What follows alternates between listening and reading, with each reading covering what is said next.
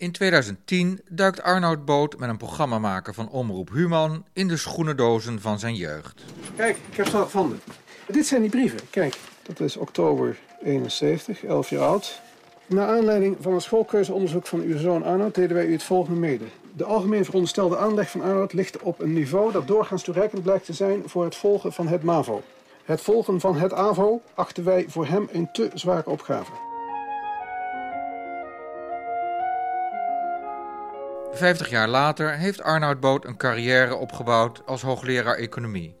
Met lidmaatschappen van organisaties als de Sociaal-Economische Raad, de Bankraad, de Autoriteit Financiële Markten en de WRR, de Wetenschappelijke Raad voor het Regeringsbeleid. Hoe kijkt hij terug op dat schooladvies van lang geleden? Het is dus voor twee redenen opvallend dat, dat een bureau dat überhaupt zo absoluut opschrijft. Dat heeft mij dus een levenslange aversie opgeleverd uh, tegen mensen die het beter denken te weten. Uh, en tegen vroege selectie van leerlingen. En dan maakt het dus opeens heel veel uit uh, wat voor ouders je hebt. Dus dat, dat moet dus een ongelooflijke tweedeling in de maatschappij geven. bij, bij dezelfde kwaliteit leerling. Arnoud hangt meer rond op het sportveld dan in zijn lesboeken. Hij is een zondagskind, voor het geluk geboren, in de eerste plaats dankzij zijn ouders. Kijk, ik ging elk jaar net over. Waarom ging ik over? Omdat mijn zussen waren heel goed op school. En dat mijn moeder dan maar naar school ging, ging zeggen: Ja, het kan toch niet zijn dat Arnoudje helemaal niks kan, want zijn zussen kunnen van alles, dus waarom zou je niks kunnen? En ook dan al krijgt Arnoud het voordeel van de twijfel. Tweede was dat er altijd iets heel bijzonders was. Hè. Er was vaak dat ik goed was in één vak. En elk jaar was het een ander vak. Hè. Dus dat creëerde voldoende onzekerheid eh, dat, eh, dat er toch ergens twijfel was of je echt helemaal niks zou kunnen. Aan het eind van zijn tienerjaren belandt Arnoud Boot als student economie in Tilburg. Ook daar stapt hij fluitend door de lesstof heen. Ook daar ging ik tentamens doen op een manier. Uh, toen waren er nog veel tentamens mondeling. Dus kon je sturen. Dan ging ik één extra artikeltje doen, want dan hoefde ik al het andere materiaal niet te lezen. En dan dat ene extra artikeltje, dat zorgde ik dat dat, dat, dat centraal stond in het tentamen. En dat werkte meestal. Arnoud volgt zijn vrienden naar Tilburg. Maar het is ook een bijzondere tijd om economie te studeren. Het was rond 1980. Huizenhoge werkloosheid, grote economische problemen. Als er ergens een probleem op te lossen was, dan was het in de macro-economie, in de algemene economie. Het was uit, helemaal uit balans. Creativiteit die is pas leuk als je op, op iets kunt loslaten. En wat is nou leuker dan grote maatschappelijke problemen? Je lost werkelijk maatschappelijke problemen op. En al snel in zijn studie vindt Arnoud zijn definitieve vorm. Het was in dit tweede jaar van de economie-studie, was echt tweede jaar, dat toen eigenlijk bleek van als ik dingen gewoon maar een beetje op mijn eigen manier deed, dan voor een of andere reden werd dat serieus genomen. Dus dat was de andere aanmoediging om, uh, om toch eigenlijk maar op mijn eigen weg door te gaan. Hoewel Arnoud begint met bedrijfseconomie, laat hij ook zijn oog vallen op macro-economie en de modellen die daar worden gebruikt. En die modellen beziet hij met enige reserve. Een model heb je alleen maar aan, iets aan als je begrijpt het model. Waarom er iets uitkomt, wat de verbanden zijn, wat de intuïtie is.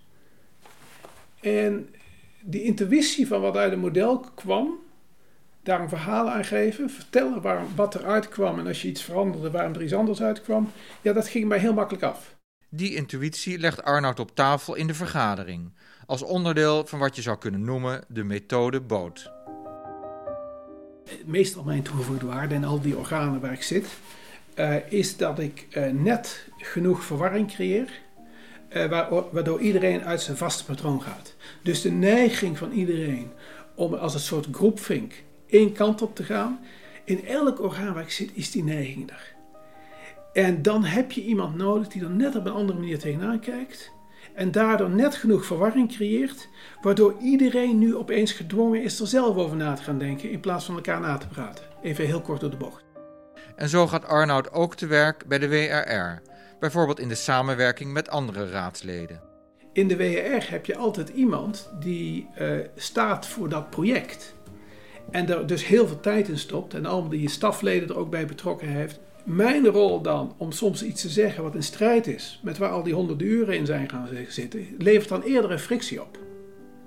Een hele gewenste frictie, ja, want een hele gewenste, maar het is heel menselijk, omdat je zoveel uren in een product hebt gestopt En als iemand dan iets gaat zeggen wat een strijd is met wat er staat, ja, dan ga je in eerste instantie verdedigen wat er staat.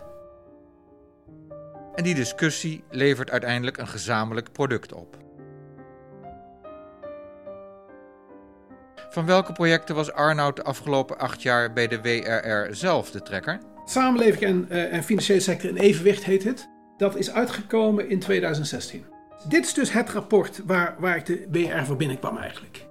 Al voor die tijd had Arnoud al zijn gedachten over de materie.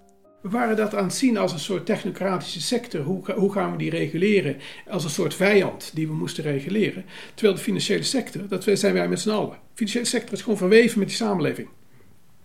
Ik zat met dat in mijn hoofd. Dus toen de WR langskwam, toen had ik in mijn hoofd, ja, nou ja, samenleving, dat is waar die WR voor staat. Kijk maar ook naar alle vraagstukken, ongelijkheid, immigratie, alles, alles samenleving eigenlijk. Daar hebben ze expertise.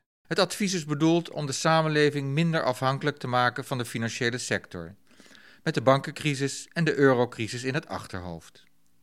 Wat was Arnouds uitgangspunt? De, de premisse in dit geheel dat de ontsporingen in de financiële sector veroorzaakt zijn door de samenleving en niet veroorzaakt zijn door iets abstracts zoals de financiële sector, die premisse, daarmee ben ik begonnen. Het is de samenleving die de deur heeft opengezet voor, voor alles wat wij denken dat mis is gegaan in de financiële sector. En als we het over samenleving hebben, dan hebben we het dus over sociaal-economisch beleid. Dan hebben we het gewoon over brede overheidsbeleid. Dat kan te vergroot vertrouwen zijn in de markt. Dat kunnen allerlei fiscale faciliteiten zijn. Waardoor dat Woekerpolen-schandaal begonnen is trouwens. Er waren fiscale faciliteiten. Je was een dief van je eigen portemonnee. En de hypotheekschuld was in minder dan 20 jaar vijf keer sneller gestegen dan het nationaal inkomen. Dat kwam door hypotheekrenteaftrek. Wat was het advies? We hebben hier drie groepen aanbevelingen. Aanbevelingen richting samenleving. Bijvoorbeeld beperken hypotheekrenteaftrek, ik noem maar even iets. Uh, we hebben aanbevelingen richting financiële sector. De, uh, hoe je er ook tegenaan kijkt, daar waren dingen die moesten gebeuren. En we hebben aanbevelingen richting politiek. Bijvoorbeeld als politiek gaan we op een meer gestructureerde wijze discussies voeren. Niet alleen als er een probleem is. En hoe zijn die aanbevelingen opgepakt? Nou, als je die dingen langsloopt, nou, veel van die dingen zijn we aan het doen. Komt dat door het rapport? Het zijn allemaal bouwsteentjes. Heeft dit rapport aan bijgedragen? Absoluut. Dus als je mij vraagt van zit hier iets in waardoor, uh, uh, waardoor je kunt zeggen dat is alleen maar gebeurd vanwege dit rapport. Nee, als je denkt invloed te hebben op die manier, op die manier heb je nooit. Het zijn bouwsteentjes en je geeft misschien net op tijd een duw aan. En omdat er al drie anderen net geduwd hebben, is jouw duw doorslaggevend. Of is de volgende duw doorslaggevend? En dat is het werk wat we hebben. En waar richt Arnoud nu zijn aandacht op binnen de WRR? Project over onderneming en maatschappij, dus dat is het hoofdproject waar ik nu bij betrokken ben. Althans, het project waar ik, formeel de, eh, de, de trekker ben, of hoe je het ook noemt eh, binnen de WRR.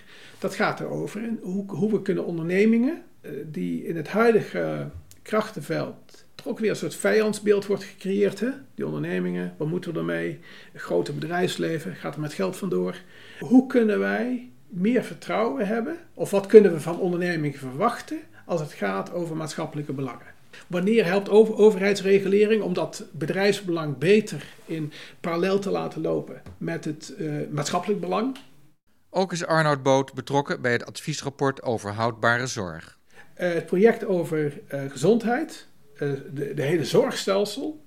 Daar ben ik de tweede lezer van dat project. Um, en dat loopt al een aantal jaren. En dat, loopt nu, uh, dat project loopt nu tegen het einde.